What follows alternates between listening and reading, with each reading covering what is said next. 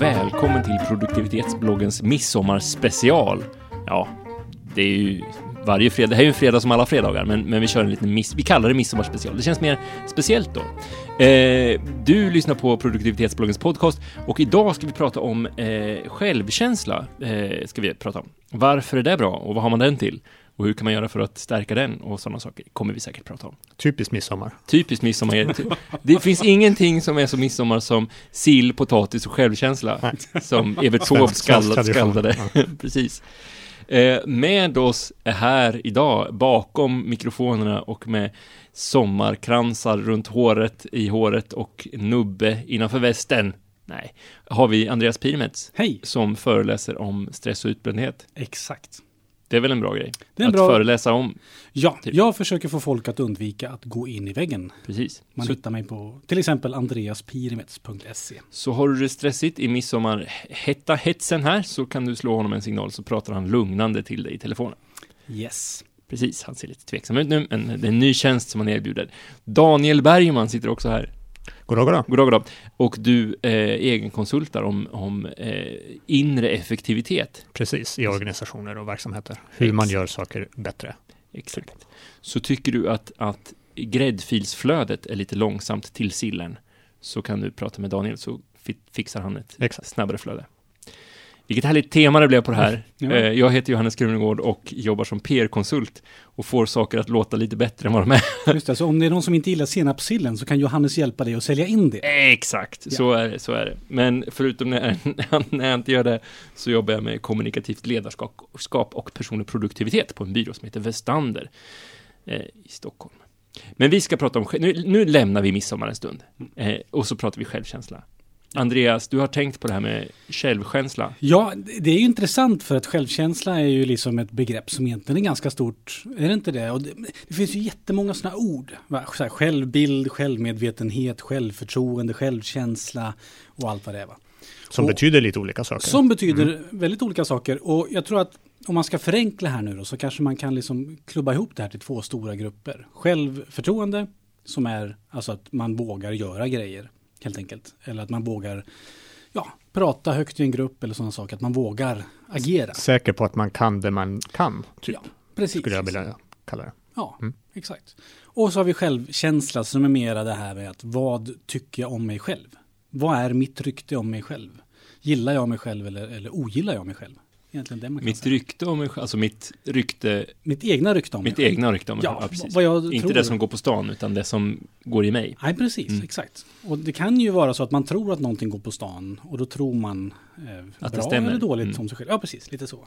Och varför är självkänsla bra då? Jo, men det är ju bra därför att alltså, jag föreläser ju jättemycket om stress och det visar sig att en väldigt stor liksom, punkt i att slippa gå in i väggen och slippa stressa, det är just det här med självkänsla. För att om man inte riktigt känner att man duger, om man inte riktigt känner att man liksom är bra, då försöker man duga på andra sätt, till exempel genom att prestera. Liksom så här.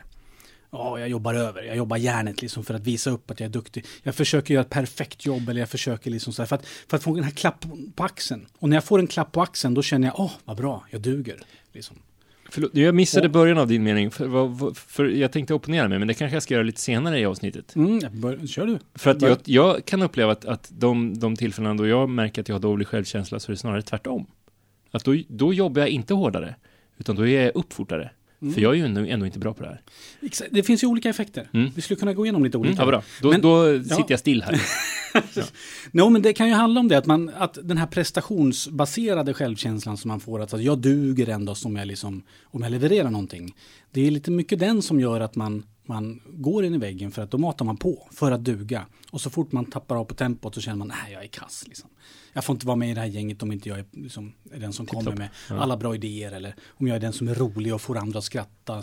Åh, ingen skrattar åt mitt skämt. Åh shit, då tycker de säkert att jag är kass. Liksom, så här. Att man har någon sån här grundinställning på att jag, jag är inte bra. Liksom.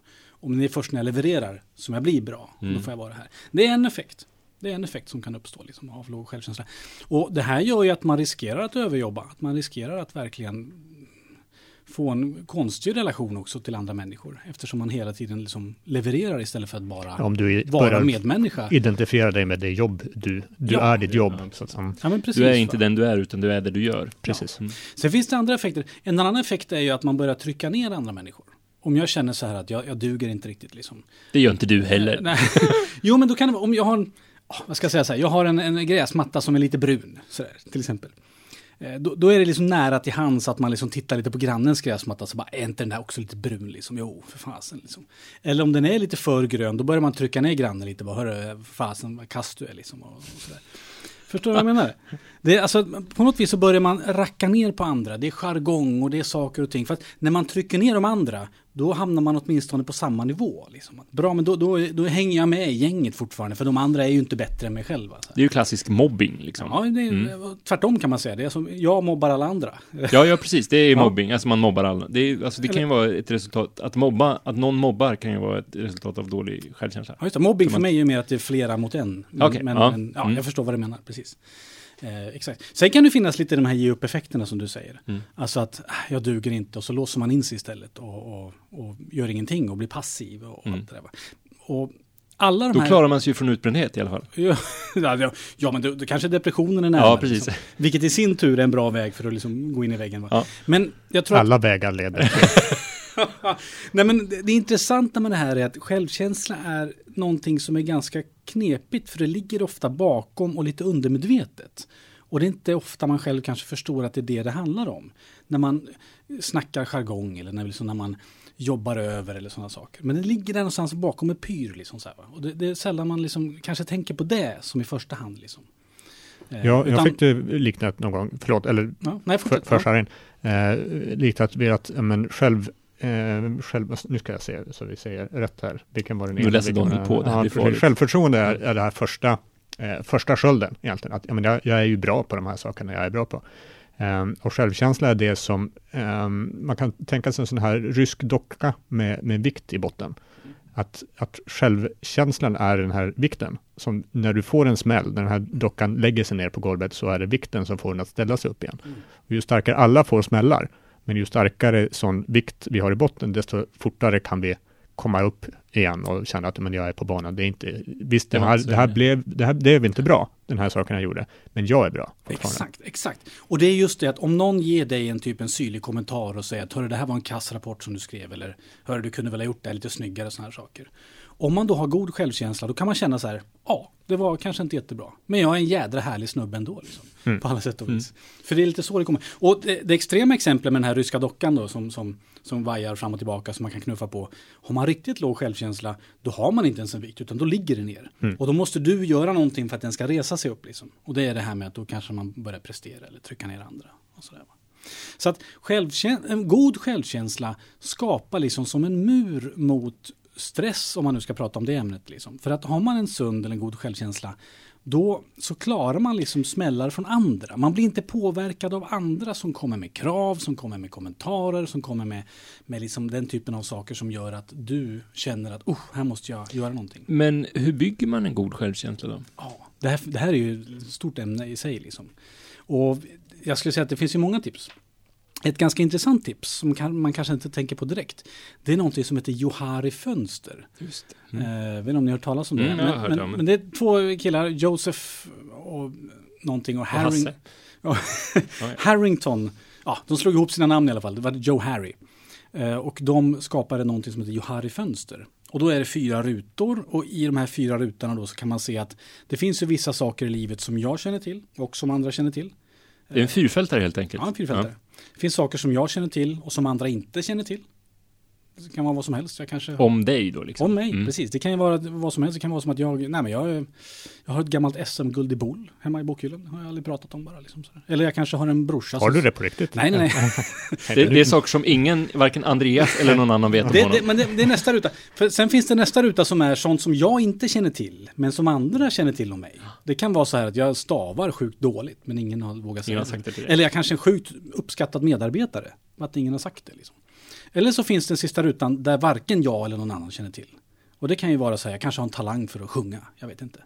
Eller jag kanske har ett, trasiga diskar i ryggen, jag är jättenära ett diskbrock. Liksom. Jag är ingen som vet det. Liksom, så. Tricket med det här nu, det är att den här öppna arenan, alltså det som jag känner till och det som andra känner till om mig, den ska vara så stor som möjligt. Förstår ni? Man ska gärna liksom ta reda på saker och ting om sig själv så att man lär känna sig själv så mycket som möjligt. Och gärna allt. Så att om man går runt och luktar svett och stavar dåligt, då vill man liksom vill man försöka få reda på det. Och om man är en uppskattad medarbetare så ska man försöka få reda på liksom så. Och så på andra har jag SM-guld i boll, då är det bra att snacka om det. För då öppnar man upp sig lite och då är det som att andra kommer in Då kan folk lite prata om det problemet med dig. Kan... Nej men grejen är att då så blir det mera transparens. Och så fort man vågar vara transparent mot andra och transparent mot sig själv då märker man, det här kan ju kräva väldigt små steg och under en väldigt lång tid, men då, då, då krävs det att man öppnar upp sig och det som då händer det är att man börjar känna att men det, det är faktiskt okej att vara jag. Mm. Det är okej att jag har ett, ja, jag har ett nördintresse, jag tycker det är kul att fota flygplan på Arlanda liksom. Och det är helt okej om- när jag börjar berätta om det, att ja, men jag får göra det. Jag behöver inte tycka att det är pinsamt att skämmas Så- om det. Så ett sätt att stärka den egna självkänslan är att prata om sina tillkortakommanden och sina eh, tillångakommanden eller vad motsatsen kan heta. Ja, Mm. och vara lyhörd för vad andra tycker och tänker. Jag tror det är viktigt att börja, eller jag vet att det är viktigt att börja tidigt också. Alltså med, börja med barn. Har, är du förälder så börja med barn. BRIS har en jättebra guide som vi, kan, som vi kan länka till om hur man gör för att bygga hjälpa sina barn att, att bygga självförtroende. Kort bara, jag kan bara dra rubrikerna, så handlar det om att lyssna på ditt barn, ge ditt barn uppmuntran, bekräfta ditt barns känslor, inte säga att nej, men du får inte vara ledsen och, och så till exempel. Eh, gör inte bort ditt barn.